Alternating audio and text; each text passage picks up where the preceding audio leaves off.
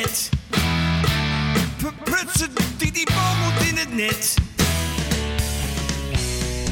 Welkom bij week 11 van de podcastserie De AFC is, waarin liefhebbers van de bal het amateurvoetbal vieren door voor te lezen uit het Nederlandse oervoetbalboek geschreven door J.B. Schuil in 1915.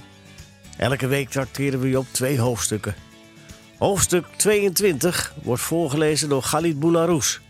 Is ex-international en voormalig voetballer van onder andere Feyenoord, Stuttgart, Chelsea, HSV en RKC. Zijn AFC? Excelsior Maasluis. Maar we trappen vandaag af met hoofdstuk 21 door Dennis Gebbink. Hij is voormalig topamateurvoetballer en oprichter van Only Friends. Zijn AFC? AFC uit Amsterdam. 21ste hoofdstuk. Een gezellige familie. Kees lag nog geen vijf minuten of Eddie verscheen. De dokter en buur Teunissen liepen achter hem aan. Kees lag al met zijn hoofd buiten de bedstee. Kom er maar gauw in, Ed, riep hij. Het is hier fijn. Eddie gluurde even tussen de gordijntjes door in de donkere kast. Besjoer, riep hij, en tegelijk wipte hij naar binnen. Nee, maar... Nou vond Kees het toch best dat de dokter hen onder de wol had gestopt. Wel verdorie, wat een gezellige pan. Heb je het nog koud, Ed? vroeg Kees. Kruip dan maar dicht tegen me aan, hoor. Ik ben al lekker warm. Eddie scheukte tegen zijn vriend aan. Oh, wat een zaligheid. Hier na al die misère, in deze donkere grote kast, achter gordijntjes, onder de warme dekels nakeest. Liggen jullie daar goed? vroeg de dokter. Nou en of, klonk het uit de kast. Nou, adjus, slaap lekker, tot ziens, zei Henk. En hij ging met de dokter heen om straks naar huis terug te gaan. Fijn liggen we hier, hè, zei Kees. Eddie knikte. Oh, wat was het nou goed, wat was het heerlijk hier in bed. Daar lag Kees, naast hem. Kees, die zo even met hem in het water had gelegen. Hoe was het ook weer gebeurd? Ze waren opeens doorgezakt, Kitty en hij. Toen hadden Bram en Henk geprobeerd Kitty te redden. En Eddie zelf had met zijn ellebogen op het ijs gelegen. Dat ijs brokkelde steeds af. Hoe lang had dat wel geduurd? Eddie wist het niet meer, maar het was heel, heel lang geweest. Hij had gedacht dat hij het op moest geven, dat hij zou verdrinken. Oh, wat wist hij dat alles nog goed. Wat een vreselijk ogenblik was dat geweest. Hij zag nu alles weer duidelijk voor zich. Kitty, Bram en Henk, Loekie en Wies, de ijsbaan, de weilanden, in de verte een molen en een brugje.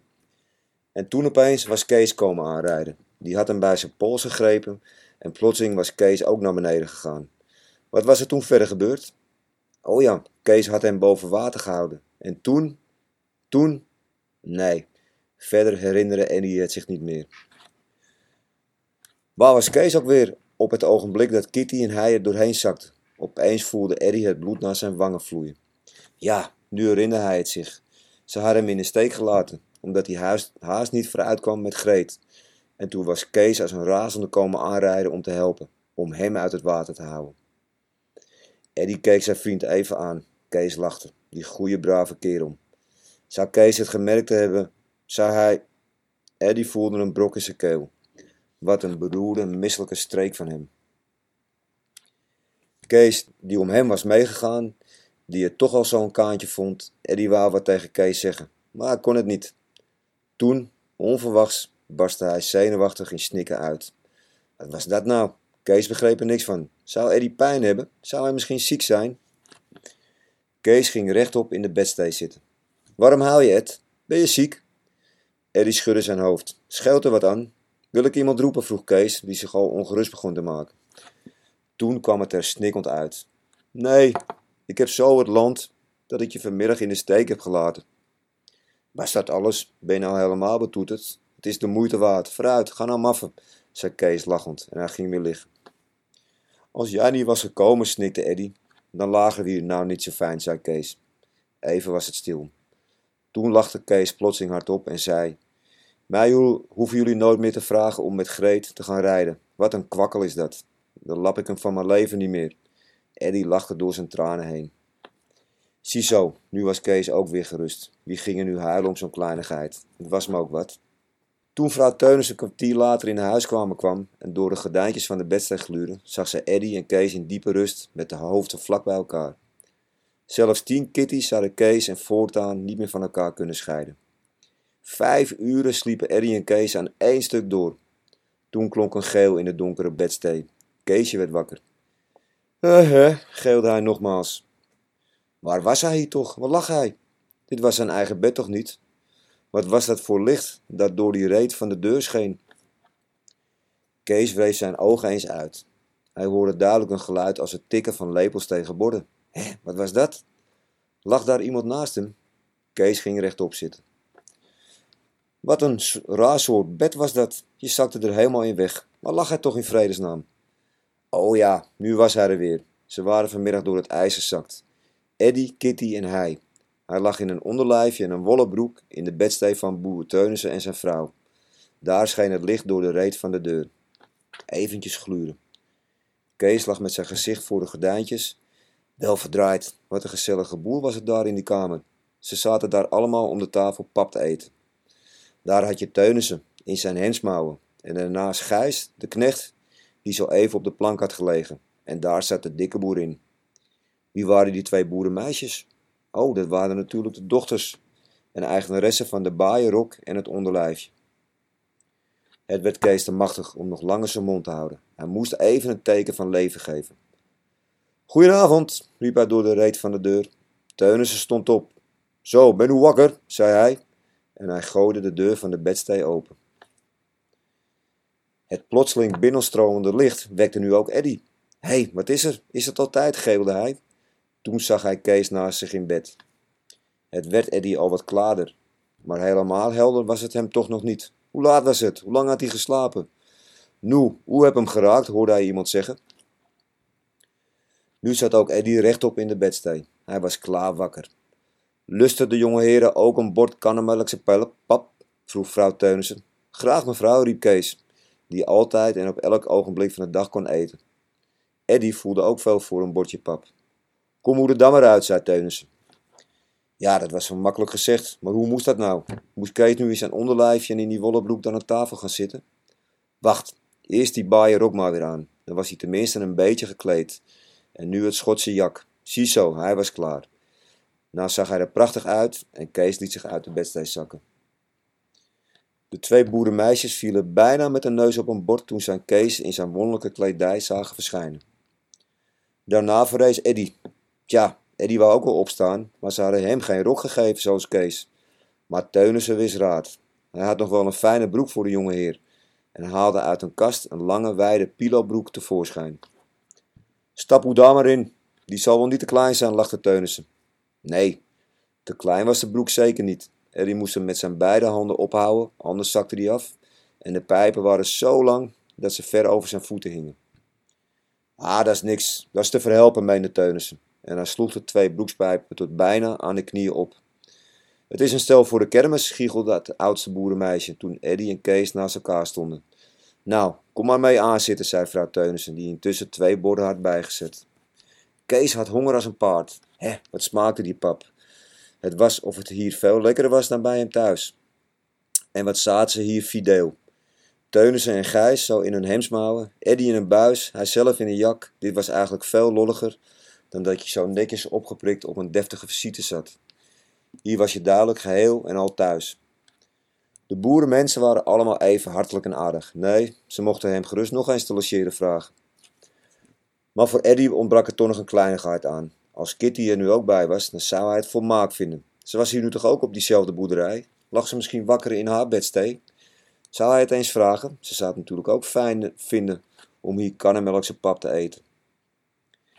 Het was of vrouw Teunissen Eddy's gedachten had geraden. Zeg Trien, zei ze, ga daar eens kijken of de jonge juffer wakker is. Misschien heeft ze ook wel trek in een bord pap. Trien ging de kamer uit en een ogenblik later verscheen ook Kitty in haar paarse blouse met de hangmouwen. Prachtig, nu was het gewoonweg een festijn.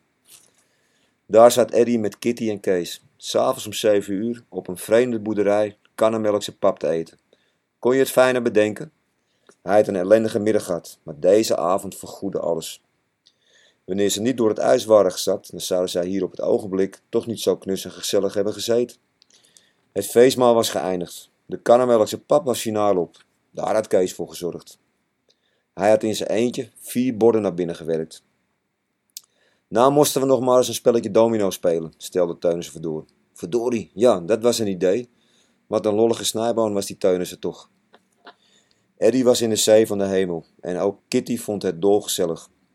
Even later zat het hele gezelschap om de tafel, ieder met een stel dominostenen voor zich. Kees en Eddy voelden zich volkomen thuis met de familie Teunissen. Keus vond Trien en Gerritje Teunissen veel aardiger dan Loekie en Greet van Dieren. Dat waren tenminste geen, geen nuffen, dat zag je duidelijk. En Gijs was onmiddellijk een speciale vriend van hem. Het werd half acht, acht uur. Voor hun pad gingen ze helemaal niet meer naar bed. Het was hier nog veel leuker dan achter de gordijntjes in die kast. Toen opeens hoorden ze duidelijk buiten toef, toef. Hé, hey, een auto. De hele familie Teunissen en de gasten sprongen op. Jemine, ze komen ons halen, liep Eddie erg teleurgesteld uit. Hij had zo'n stille hoop gehad dat ze hem hier nog een nachtje zouden laten logeren. Boer Teunis en Gijs gingen naar buiten en even later traden dokter Walde en meneer Brummer binnen. Beide heren hadden hun gezicht in de meest ernstige plooi getrokken om vrouw Teunissen met een paar gevoelige woorden voor haar onvolprezen gastvrijheid te bedanken toen de heer Brummer plotseling zijn dikke zoon in zijn baaierrok en zijn Schotse jak ontdekte. Haha, klonk het ineens en papa Brummer schudde van het lach. Ook de heer Wolde kon zich niet goed houden. Dit was al te komiek. Teunissen, vrouw Teunissen, Gijsje, Gerritje, Trien, Kees, Kitty, Eddy, ze lachten allemaal mee. En het duurde wel een paar minuten voordat dokter Wolde de bedankspeech kon afsteken, die hij voor zoveel gastvrijheid en voor de redding van Kitty en de twee jongens meende te moeten houden. Wel, het is maar ook wat, meneer. We hebben samen wat schik gehad, lachte Teunissen. Het is jammer dat ze weg moeten. Dat vonden Kitty en de jongens ook. Het werd nu juist zo gezellig. Maar zij zagen toch zelf ook wel in dat zijn vader en moeder Teunissen moeilijk de hele nacht uit hun bedstijd konden verdrijven. En ook Kitty begreep dat zij tussen Grien, Trien en Gerritje wel een beetje nauw zouden liggen. Daarom trokken Kees en Eddy in de keuken en Kitty in de huiskamer hun maskeradekostuums uit en hun eigen in de auto meegebrachte kleren weer aan. De logeerpartij was geëindigd. Zij had kort geduurd, maar nog nooit hadden Kees, Eddy en Kitty ergens zo goed, zich zo goed geamuseerd als bij vader en moeder Teunissen. De hele familie Teunissen deed de gasten uitleiden. Jammer dat u nu al weg moet, maar u moet in de zomer maar eens terugkomen. Dan gaan we samen vissen op dezelfde plek waar u door het ijs bent gezakt, zei Teunissen. Die invitatie was dadelijk uitgenomen, dadelijk aangenomen. En de hele dag hier op de boerderij, dat bleek de jongens een zaligheid toe. Kees, Eddie en Kitty namen afscheid van hun nieuwe vrienden. En even later reed de auto van het wilgelaantje af. Toen de jongens omkeken, zagen zij dat vader en moeder Teunissen, Gijs, Gerritje en Trien voor de open deur hun stonden na te wuiven. Voordat ze het eigenlijk wisten, waren ze al terug in de stad. Kees kon zich niet begrijpen dat hij maar op zo'n kleine afstand was. Het leek hem die middag toen hij Grete op sleeptouw had genomen wel tienmaal verder toe. Toen Kees die avond weer goed en wel in de grote familiekring zat, vertelde hij in geuren en kleuren alles wat hij die dag beleefd had. Alleen één kleinigheid sloeg hij over. Namelijk dat ze hem een ogenblik met Greet in de steek hadden gelaten. Ach, daar hadden ze immers niks mee te maken. Is je hart nog vrij, Kees? vroeg de heer Brummer. Ben je nou verliefd in vermeurde Mies? Verliefd in geen honderd jaar, antwoordde Kees lachend, net als die vanmorgen. Nee, dat zag de familie Brummer dadelijk. Van het schone geslacht moest Keesje nog niets hebben. Ik laat me liever hangen dan dat ik ooit weer een tocht met meisjes maak, zei Kees. En de hele familie Brummer proestte het uit. Kees hoefde niet bang te wezen dat ze hem daar voorlopig weer lastig mee zouden komen vallen. Toen hij even later in bed lag, hoorde hij de regen tegen de ruiten kletteren. Goddank, dacht Kees. Nu is dat gemier met de meisjes tenminste uit. Nu gaan we gauw weer naar AFC. Mijn naam is Khalid Boularous, voormalig profvoetballer van Feyenoord, Chelsea en het Nederlands elftal. Hoofdstuk 22. De jonge heer Cornelis Brummer. Keesje Brummer besefte eigenlijk niet dat hij iets heldhaftigs had gedaan. Hij had Eddie Lomans het leven gered. Nou ja, dat was waar, maar het was toch niets bijzonders? Welke jongen zou anders hebben gehandeld als hij zijn beste vriend in het water had zien liggen? Nee, Kees vond het heel gewoon wat hij had gedaan. Kees had alles die avond in de familiekring dan ook zo eenvoudig weg verteld. Alsof het de meest natuurlijke zaak van de wereld gold. Nou ja, hij was in het water gevallen. Maar dat kwam natuurlijk doordat hij zo dik was. En, heb jij Eddie toen boven water gehouden, jongen? had de heer Brummer gevraagd. Ja, maar heel kort, want Teunissen en Gijs waren er dadelijk bij, had Kees geantwoord. Dat zijn vingers zo stijf waren en dat Eddy zo zwaar was, vertelde Kees niet. Och, waarom zou hij dat ook? Dat leek zo opschepperig. Nee hoor, het was allemaal heel gewoon geweest. Het was de moeite niet waard. Toen Kees de volgende morgen bij Eddy kwam, begreep hij niet waarom mevrouw Lomans opeens naar hem toe kwam en hem een hartelijke zoen gaf en hij was helemaal paf toen hij merkte dat Eddy's moeder tranen in de ogen had. Dag Kees, dag beste jongen, ik dank je wel hoor. Ik dank je wel. Hé, hey, wat was dat? Het leek wel of mevrouw huilde. Kees werd er verlegen onder. Wat had Eddy toch verteld? Toen kwam meneer Lomans naar Kees toe en drukte hem zo stevig de hand dat het Kees pijn deed. Jij bent een flinke, kranige jongen, Kees. Een echte moedige vriend. Eddy zal dat nooit vergeten hoor, jongen. Wat? Zou Eddy nou verteld hebben dat ze hem even in de steek hadden gelaten? Hé, hey, dat vond Kees nou zuur. Als jij hem niet geholpen had, dan zou Eddy nu. En opeens keerde mevrouw Lomans zich om. Oh nee, het was gelukkig alleen maar omdat Kees Eddy even boven water had gehouden. Ja, wat moest hij nu eigenlijk zeggen? Kees vond het eigenlijk vervelend dat meneer en mevrouw er zo een drukte over maakten. Eddy zou hem immers toch ook geholpen hebben. En Kees zei het. Och, zo erg was het niet, mevrouw. Het was toevallig omdat Eddy er het eerst in lag. Als ik erdoor gezakt was, had Eddy mij geholpen. Jij bent een flinke kerel, Kees, zei de heer Lomans en hij klopte hem op de schouder. Gelukkig, daar was Eddy. Nu werd er niet meer over gepraat. Je wist niet wat voor gezicht je moest trekken als ze zulke dingen tegen je zeiden en als grote mensen zo vreemd en zo ernstig tegen je deden. Maar de heer en mevrouw Lomans waren blijkbaar niet de enige die Kees flink en moedig vonden. Toen hij smiddags op de markt liep, tikte meneer Van Dieren hem op zijn rug en zei: Jij bent een kranige kerel, Kees. Ik heb er alles van gehoord hoor. Kees kreeg een kleur als een boei en wist niet wat hij zeggen moest. Wat moest je nou antwoorden als meneer Van Dieren zoiets tegen je zei?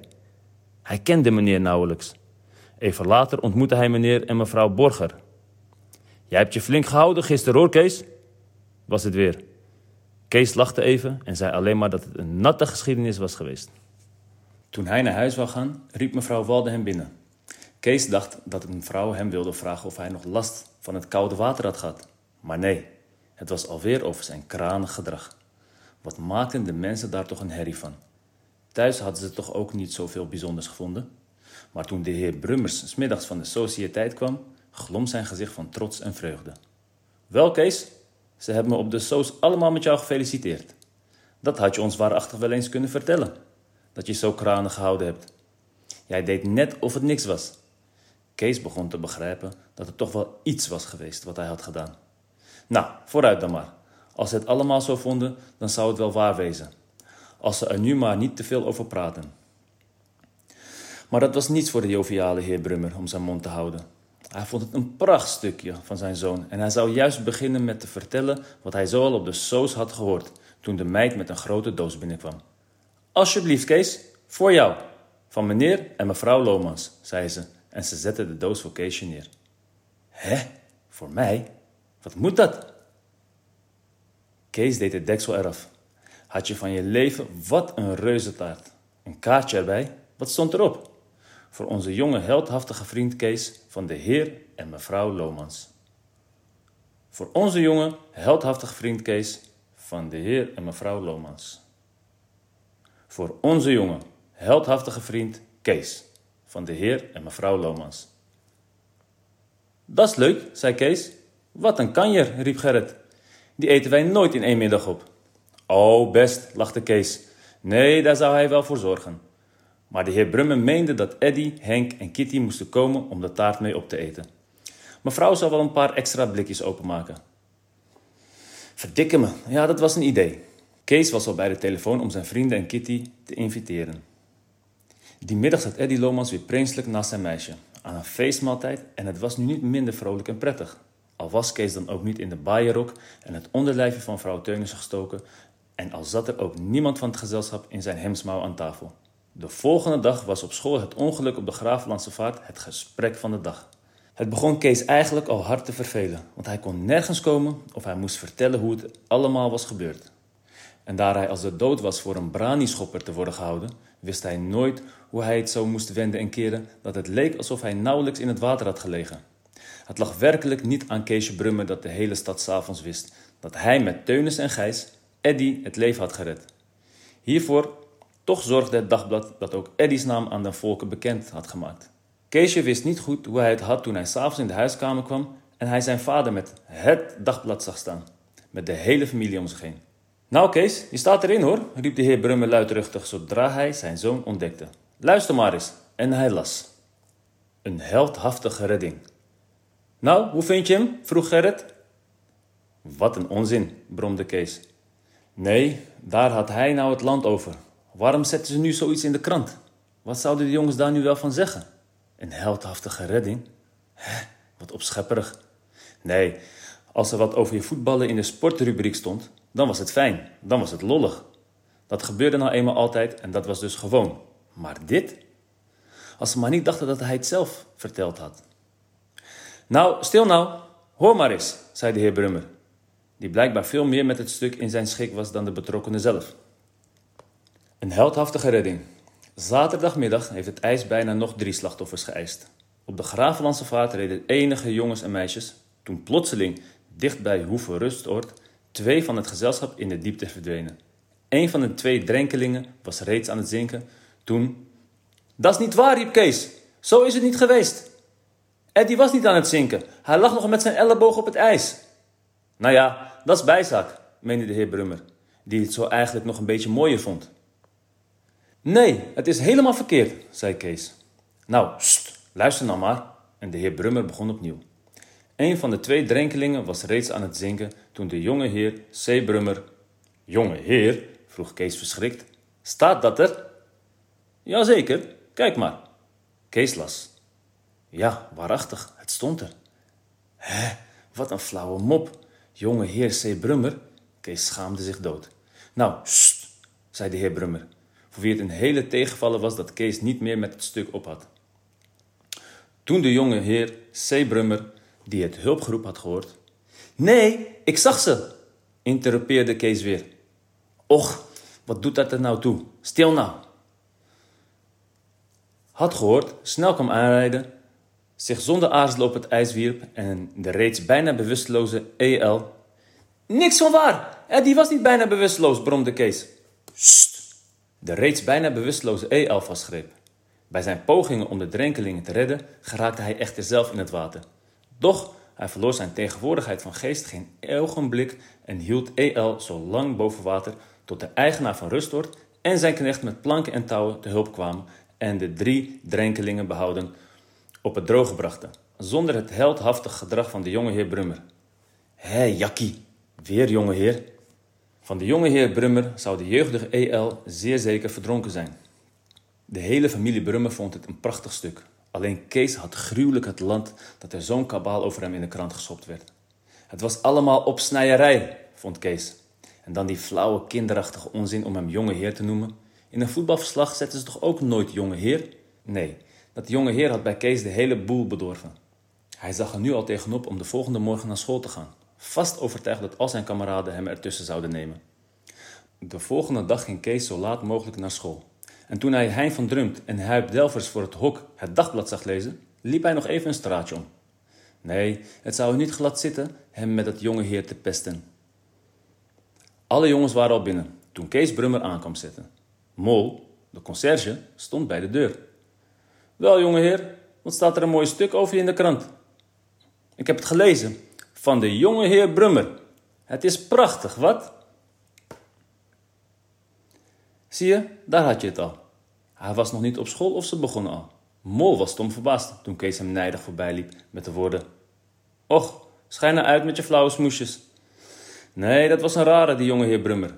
Maar toen Kees de klas binnentrad, zag hij tot zijn verrassing dat de jongens er niet aan dachten om hem uit te lachen. Integendeel, ze kwamen dadelijk op hem af en zeiden allemaal tegen hem dat ze het verduveld fijn vonden.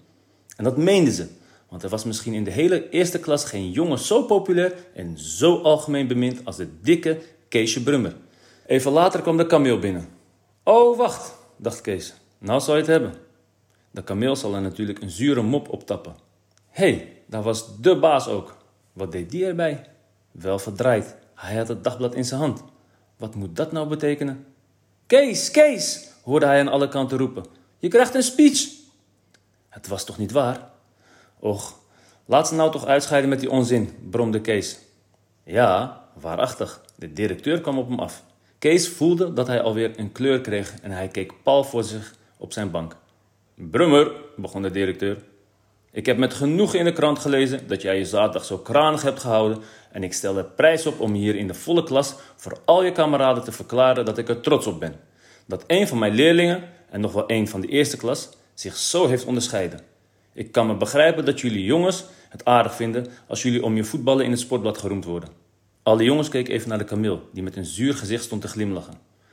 Maar ik vind het honderdmaal meer waard als je naam voor zo'n flink kranig feit in de krant genoemd wordt. Dan vind ik dat een eer voor mijn school.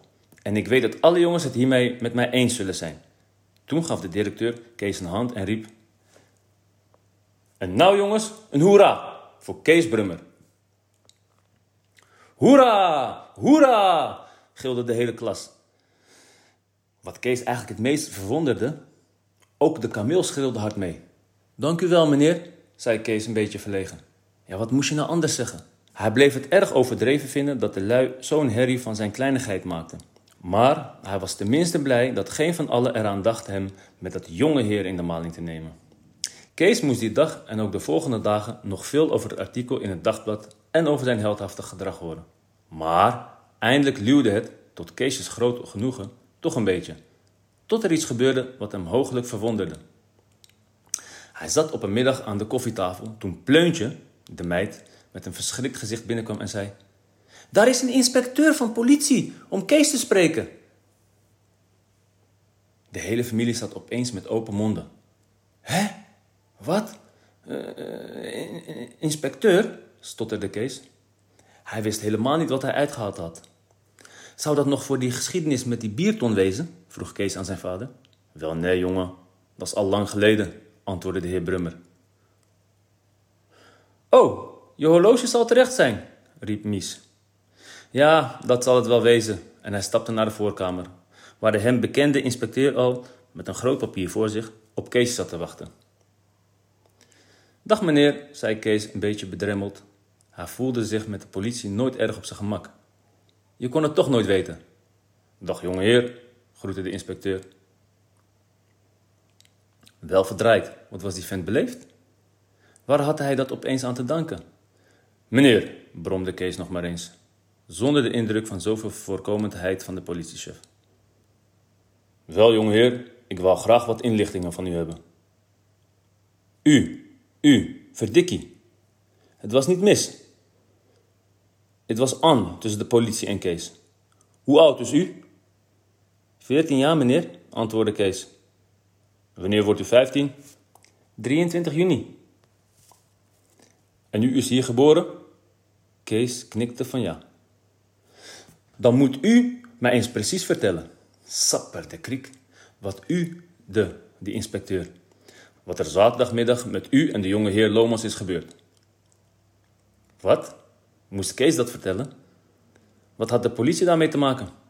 Oh, wacht. Misschien was het omdat ze dat vak niet goed met stro hadden afgesloten. En Kees begon te vertellen. De inspecteur zat maar telkens te knikken en schreef alles op wat Kees zei. U hebt de jonge heer Lomans dus boven water gehouden? Ja, eventjes, zei Kees. Hoe lang, zo wat? Nou, niet lang. Een halve minuut, denk ik. Zo, zo. En toen kwamen Teunis en zijn knecht. Niet waar? Kees knikte weer. En toen riep u... Hij eerst, hij eerst. Niet waar? Hé, hoe wist die inspecteur dat? Ja, zei Kees, want ik was bang dat ik hem niet langer houden kon. Was hij dan zo zwaar? Ja, en mijn handen werden zo stijf. Zo, nou, dan weet ik genoeg. Dank u wel. Wilt u hier even dan uw naam zetten? Wel verdraaid. Wat ging dat allemaal deftig? Nou, vooruit maar. Wat moet ik zetten? vroeg Kees. Uw naam en uw voorletters. Kees schreef erg netjes. C. H. Brummer. Ziezo, dan zijn wij klaar. Dag jongeheer. Dag meneer. En Kees liet de inspecteur uit. Nou geef ik jullie allemaal te raden wat die vent van mij moest hebben, vroeg Kees toen hij weer binnenkwam. De hele familie ging aan het raden, maar niemand wist het te zeggen hoe lang ik zaterdag in het water heb gelegen. Alle brummen zaten paf. En hoe oud ik was, waar ik geboren ben, wanneer ik 15 jaar word en weet ik wat niet meer. Wat een onzin, hè? Zou dat allemaal wezen omdat ze dat vak niet voldoende met stro hebben afgezet? Dat denk ik wel, zei mevrouw Brummer. Jullie hadden best kunnen verdrinken. Nou, het ijs is toch al lang weer weg. Wat een drukte voor niks. En Kees ging door met zijn boterham. Maar vijf minuten later kwam Henk bij hem aanlopen. Zeg Kees, riep hij. De politie is bij ons geweest. Bij jou ook? vroeg Kees. Kitty en ik moesten alles vertellen van het ongeluk op de Gravenlandse vaart. Haha, nou, die politie heeft zeker ook niet veel te doen, lachte Kees. Daar kwam Eddie aan. Ook bij hem was de politie geweest. Zeg Kees, zei hij. Hij vroeg me hoe lang je mij had vastgehouden en of ik zelf nog zwemmen kon. Wat heeft dat er nou mee te maken? antwoordde Kees. Wat een onzin toch? Enfin, dat hoorde er zeker allemaal zo bij. Zeg, vroeg Kees, zei die vent tegen jullie ook telkens u? Ha, oh man, hij was zo beleefd, lachte Eddie. En u is hier geboren? praatte Kees de inspecteur na.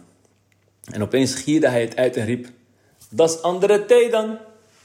Houd je mond, qua jongen, tot je wat gevraagd wordt, zoals op het bureau. Kees, Eddie en Henk verdiepten zich niet al te lang in de kwestie waarom de inspecteur hun zoveel diepzinnige vragen had gedaan. En het zou nog maanden duren voordat Keesje Brummer te weten kwam waarom de inspecteur zo nauwkeurig wilde weten hoe lang hij Eddie boven water had gehouden.